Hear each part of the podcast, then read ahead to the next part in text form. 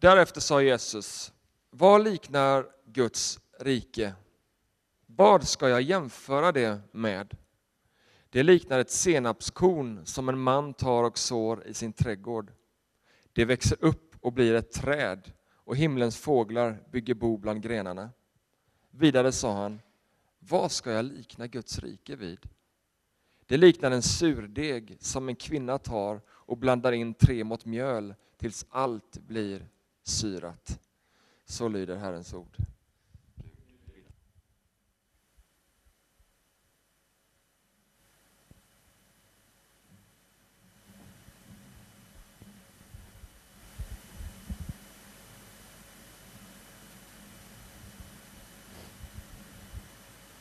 Härligt! Kul att se er här eh, allihopa. Eh, jag har, har en sån här stol här, så jag tänkte jag skulle så här, sätta mig lite som vardagsrum så här, så ni ska känna er lite, eller jag ska känna mig, kanske mest jag, ska känna mig lite mer bekväm. Jag vet Jakob, han har ju ofta en kaffekopp, ni kanske inte har tänkt på det, men det är hans eh, secret ingredient för att han ska känna sig avslappnad. Och jag tänkte jag testar den här. Och jag kommer även testa en annan grej också idag. Jag kommer, eh, efter, jag kommer på halvväg så kommer jag ha en bön som jag, om ni vill, så får ni gärna vara med på den bönen. Eh, och sen i slutet av predikan så kommer det också vara en sån liten bön som ni kan vara med på. Och faktiskt en liten bekännelse som, man, som kommer upp på. Så jag förbereder lite grann på det där. Att det händer. Eh, det här med liknelser, Jesu liknelser, det är ju är sånt här som alla vi som eh, är troende känner till. Eh, och ibland så kan liknelserna bara passera igenom. eh, vårt medvetande. Och eh, jag skulle vilja idag att vi stannade till till två stycken, egentligen är det två par liknelser. Så det som vi hörde nu var ett, ett, liksom ett par liknelser som hänger ihop. Och sen i Matteus, som jag kommer, andra delen handlar om här, kommer eh, handla om ett annat par eh, korta liknelser. Men vi kan väl börja med bara eh, tillsammans bara be att Gud skulle få hjälpa oss att förstå. Gud, vad vi än gör så ber vi dig att du skulle få hjälpa oss så att vi förstår vad du vill säga till oss genom ditt ord. Vi förstår idag dåtidens sammanhang och vad det betyder för oss. Vi ber att Ande skulle öppna upp skriften för oss när vi lyssnar tillsammans. Amen. Eh, någonting om liknelser. Ni ska få eh, två meningar om vad det är för någonting. Eh, det kanske alla vet, men liknelse är en genre i Bibeln som används. Eh, och eh, man ska inte först och främst se liknelse som en moralisk kompass utan, utan kontexten till liknelsen avgör alltid innehållet. Exempelvis den förlorade sonen eller förlorade sönerna är ju ett svar på fariseernas tankar och Jesus ger dem ett svar som är liknelsen. Eh, och det är inte bara för dåtidens åhörare utan det gäller rakt in i våra liv. Eh, så genren liknelser eh, behöver man tänka till lite när man läser den. Och veta om att det är en egen typ av utlägg av en gudomlig sanning. Vi hoppar rakt in i texten och den som vi läste precis så undervisar Eh, Jesus i eh, traktens synagogor. Eh, och vi behöver tänka så här, Guds rike och Jesus, Jesus som person är synonyma begrepp. Och det kommer vi se nu när vi går in i Lukas. Då. Från elfte versen står det ju så här.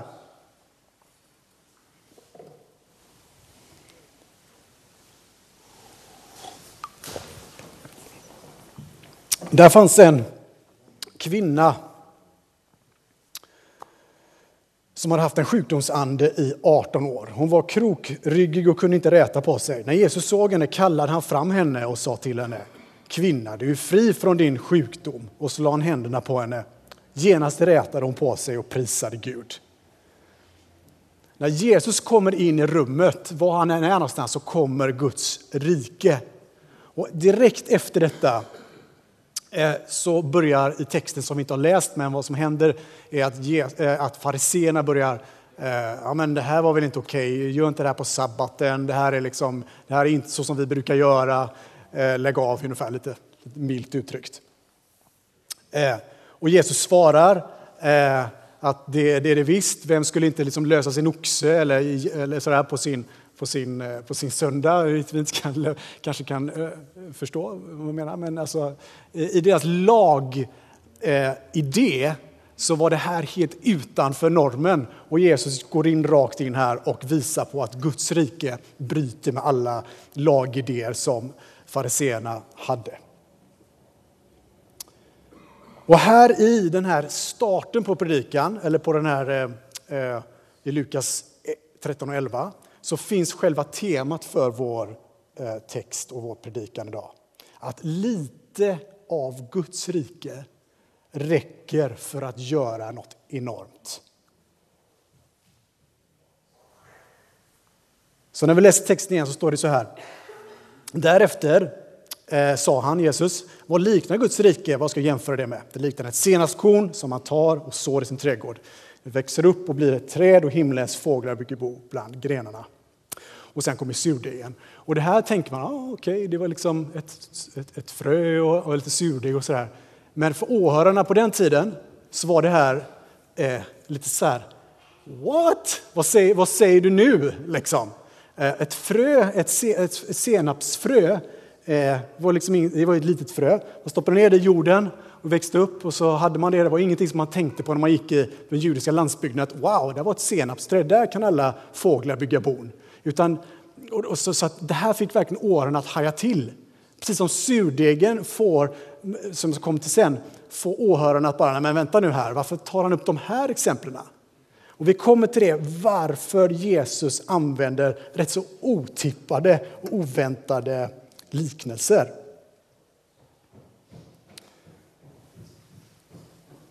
En surdeg jag vet inte om ni är någon bagare här, jag hoppas inte det. För, att, men lite för mycket eller för lite surdeg så funkar inte degen. Är det ungefär eh, typ gäst yes, kanske? Jag vet inte, jag är det här lite utanför min komfortzon som ni märker. Men eh, eh, man kan väl inte lägga i för mycket, det här är lite interaktivt här nu då. Eh, man kan inte lägga i för mycket gäst yes, för då blir det fel, med degen, eller hur? Det stämmer. Ja, bra. Eh, och för lite så jäser den väl inte. Och det är precis samma så här, Eh, bra, en bagare där nere. Eh, eh, och, eh, så jag tänker så här, att Jesus tar den här liknelsen är väldigt oväntat. För surdeg är lite så här, på, anti, på antikens tid så är surdeg lite läskigt. För att surdeg kan totalt förstöra hela degen. Alltså. Så man undrar, men vänta nu, varför tar Jesus surdeg? Det är, det är ingenting som folk kopplar till någonting bra. Som vi idag tänker, men gäst är bra. Så här. Men surdeg då, det är inte bra grejer. Varför tar han den liknelsen? Varför tar han den här ingrediensen i liknelsen? Det känns rätt så märkligt. Han chockar så att säga sina åhörare gång på gång genom det han säger. Och det är inte bara genom de här liknelserna, utan det är typ allting som Jesus säger är liksom, va? Vad säger du nu för någonting? Att han säger att det ska vara tre mått mjöl kan också bara passera, eller hur? Hur mycket är tre mått mjöl? Det är inte tre deciliter som man kan tänka, för det är det jag tänker direkt. Så här, ja, men det är lite mjöl och det är så man gör. Liksom. Nej, det här var ungefär då, det här med de här måttenheterna, det här är ungefär så här 25 kilo mjöl. Så det här är inte för en liten egen fest, utan det här är för en, en större fest. Jesus visar här på sitt rike, den stora måltiden. Alltså det, alltså, det, är bara, det blir jätterikt där. här. en liten text kan bara... Så att han visar på någonting här som är mycket, mycket, mycket större än vad vi tror.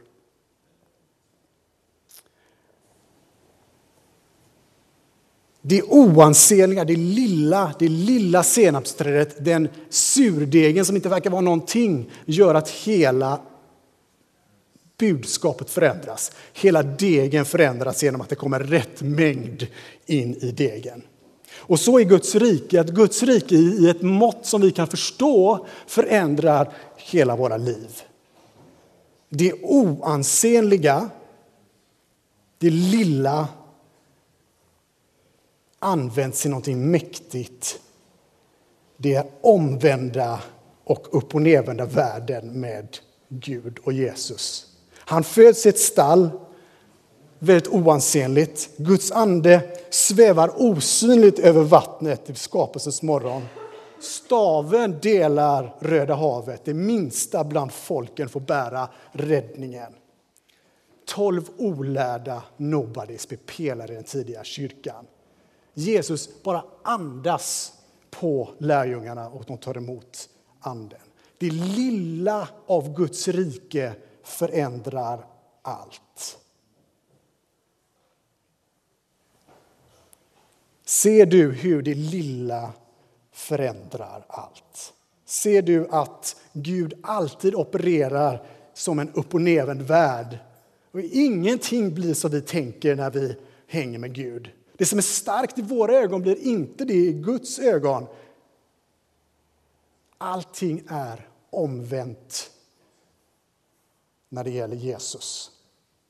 I Jakob 2.5 står det så här, för att ni ska få lite bekräftelse på det jag säger. Lyssna, mina älskade bröder, har inte Gud utvalt dem som är fattiga i den här världen till att bli rika i tron och få ärva riket som han har lovat dem som älskar honom?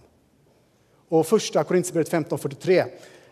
Det som blir sått i ringhet uppstår i härlighet. Det som blir sått i svaghet uppstår i kraft. Omvända världen.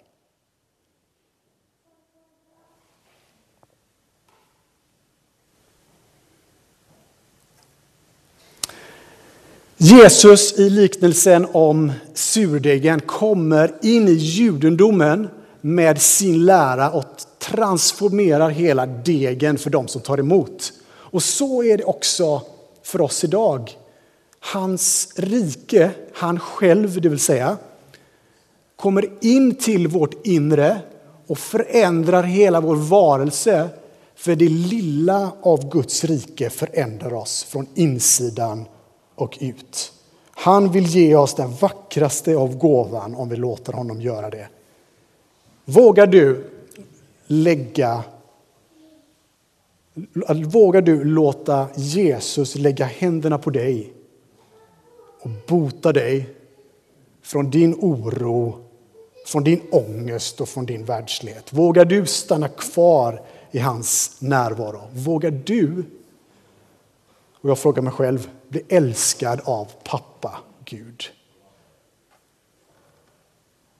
Vågar du låta Guds frö, Guds surdeg få komma in på din insida och göra dig helt och hållet till hans lärjunge. Låt oss be.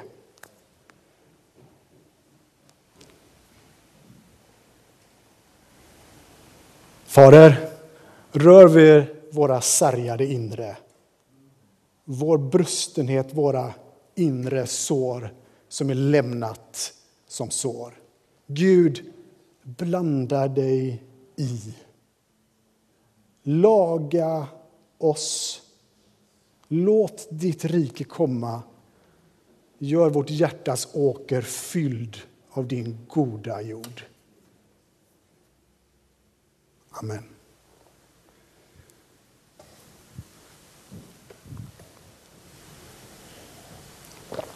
Det var del ett. Del två, som kommer att röra sig de andra två bilderna eh, från Matteus. Innan jag kommer till dem så vill jag bara förstärka lite grann eh, bilden av kornet. Jesus säger så här om eh, sig själv i Johannes 12.24. Jag säger det sanningen. Om vetekornet inte faller i jorden och dör förblir det ett ensamt korn. Men om det dör bär det rik frukt. Så här talar han om sig själv och sin, sin död. Så det lilla uppstår i härlighet. Matteus 17 och 20 säger så här. Därför att, eh, jag säger det sanningen. Om ni har tro bara som ett senapskorn ska ni säga till det här berget flytta det dit bort och det kommer att flytta sig. Ingenting kommer att vara omöjligt för er. Hur kan det vara så här att det lilla kan bli och det lilla som är så obetydligt och får sån enorm betydelse? Det här är själva centrum i Guds rike. Guds rike är på det sättet helt ostoppbart. Det är mäktigast av alla andra riken. Det som ser ut som att det är det minsta och det mest oansenliga som startar bland de tolv i Jerusalem. Det är det riket som kommer sen komma ner och förändra allt då Gud återställer jorden så som den var från början. Och det blir hoppet om när himlen kommer ner, när Jesus kommer tillbaks. Där, i det lilla, så startar allt. Det riket är mäktigast av alla riken och det är du en medborgare i. Det riket besegrar döden. Det är den här och nu. Så i Matteus 13, som vi ska gå till nu, så vecklar Jesus, han har ju rätt så många liknelser i Matteus 13. Vi kommer inte ta alla för det kommer, kommer inte hinna med här. Eh, men det finns, ett två, det finns en, en väldigt fin dubbel, ett dubbelliknelse som jag pratade om i början här. Eh, som, eh, som låter så här. Himmelriket är som en skatt som ligger gömd i en åker. En man finner den och gömmer den igen. Och I sin glädje går han och säljer allt han äger och köper den åkern. Himmelriket är också som en köpman som sökte efter fina pärlor. När han fann en mycket dyrbar pärla gick han och sålde allt han ägde och köpte den. Den är nästan, den är nästan så enkel så den också bara passerar den här liknelsen. Okej, okay, det eh, låter lite konstigt. Eh, en skatt i en åker, eh, liksom så här. För de ursprungliga åhörarna skulle man tänka så här, men hittar Jesus på det? Nej, på den tiden det inte fanns banker, det har jag läst på innan så här, så det, ni kan få källa om ni vill efteråt. Eh, eh, om Joel var här skulle han haft källa. Han är inte här nu så jag kan inte skoja med honom, men annars hade jag vet det. Eh, eh, jo, på den tiden eh, så det fanns inga banker, så man eh, hade, man hade en, en åker, vilket man ju ofta hade. Så grävde de helt enkelt ner en skatt, alltså pengar, eller vad man nu hade. Pengar som de hade, inte sedlar, men eh, liksom, du förstår. Skatt kan vara guldpengar, eller jag vet inte vad man hade då. Eh, och sen så, så än idag, så när man letar arkeologiskt i Israel så här, så helt plötsligt så hittar man sådana här skatter i, i åkrar, alltså seriöst. Det låter som jag hittar på det, men det, det låter nästan osannolikt. Men det här är därför att Jesus säger det här och då, eh, och äh, dåtidens åhörare fattar direkt. Det är så man gör. Ingen visste ju var på åkern, man kan inte, alltså det går inte liksom att, så, det var smart liksom. Smart system som fanns på det sättet. Då. Så att Jesus gör, gör en, en, en eh, nutida koppling kan man säga, då, alltså vid hans tid.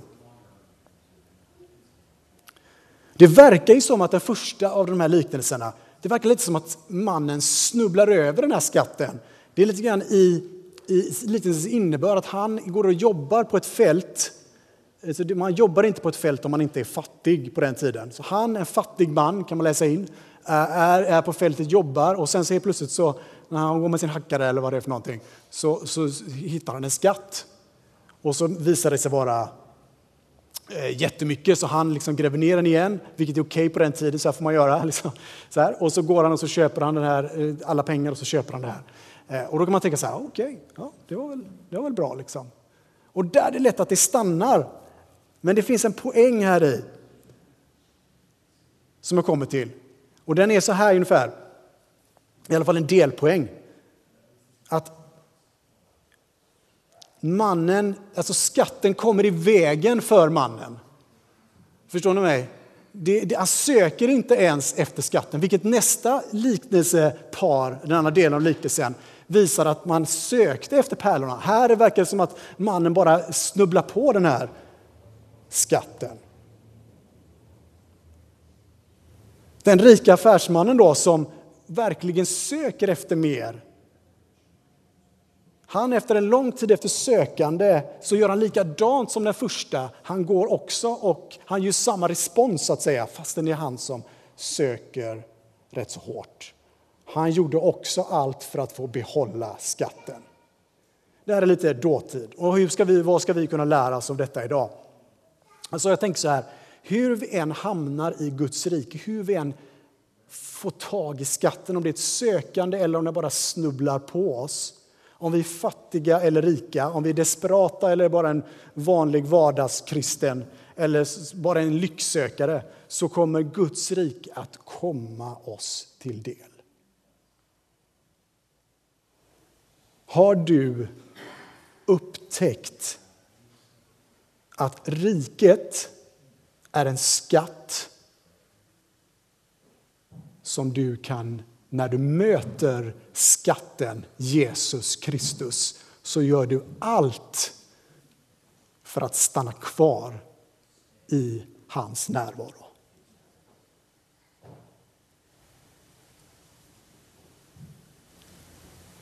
Jag vet inte om du har lyssnat på, jag lyssnade idag på Kanye West, han har ju blivit, eh, ni känner till Kanye?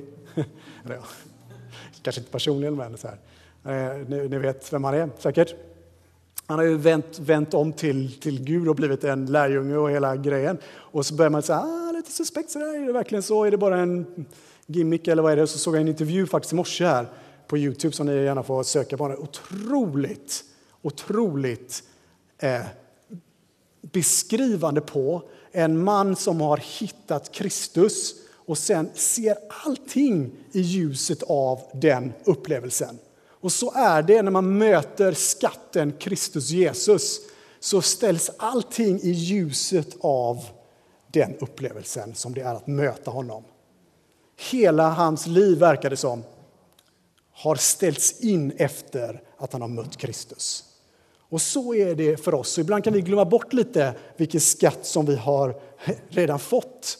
Och därför så önskar jag och ber för oss att vi återigen skulle, antingen för första gången eller, för, eller om det är flera gånger, i, eh, och det har hänt flera gånger, så önskar jag för oss att vi återigen skulle få se Kristus som den skatt som han är och den ljuvlighet som det är att vara med honom. Man gör allt för att få stanna i hans närhet. Det finns inget högre syfte att leva för än att leva nära honom.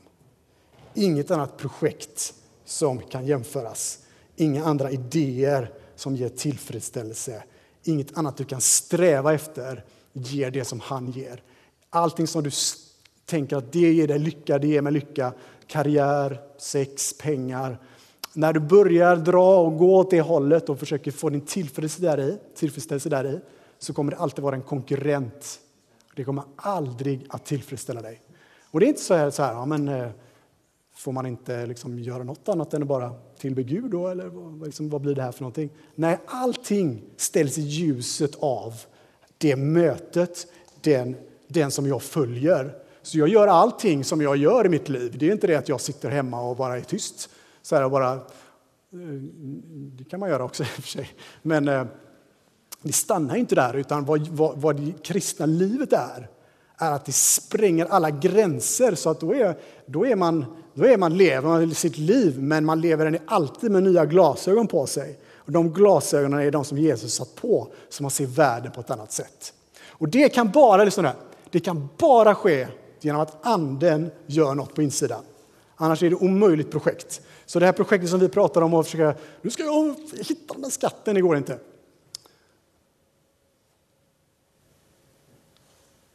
Kanske är det så att skatten har egentligen redan snubblat på dig. Du vet hur du ska komma till skatten igen. Du vet hur Guds närvaro smakar.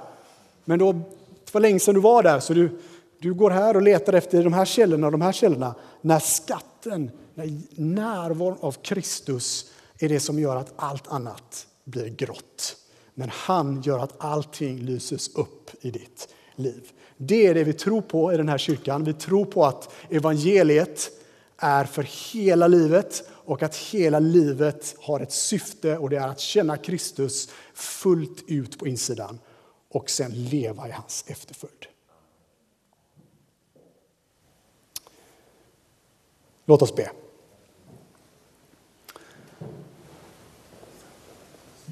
Fader, vi är fattiga innan vi finner dig och ditt rike. Vi är otillfredsställda sökare ända tills vi är funna av dig. Låt oss se, öppna våra ögon för hur ditt rike är. Låt oss se vägen till dig. Låt oss se skatten som vi har fått av dig. Lär oss att ge upp vår självcentrering och ta emot dig, ditt rike. Amen.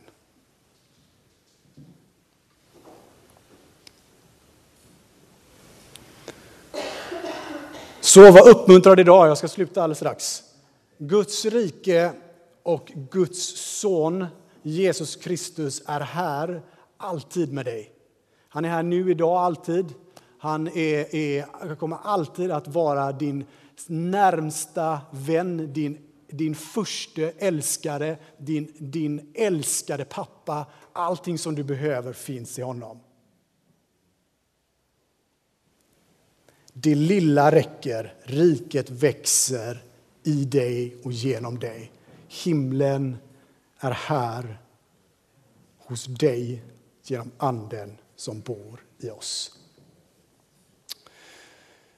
Så vi, vi, kan testa det här. Jag, har, eh, jag, jag, hoppas att ni är med på det här. Eh, ni kan läsa igenom det här bara först. Och så om ni känner, om du känner bekväm med det, så var med och be eh, och betjänt tillsammans med mig om en liten stund. Här.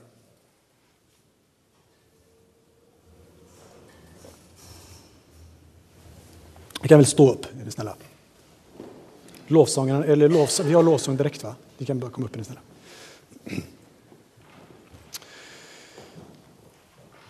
Jag bekänner dig återigen som Herre över hela mitt liv. Fader, lär mig på nytt att jag är ditt älskade barn. Jesus, du är min kärna och stjärna, min skatt. Ande, lär mig att leva hela mitt liv i din efterföljd. Amen.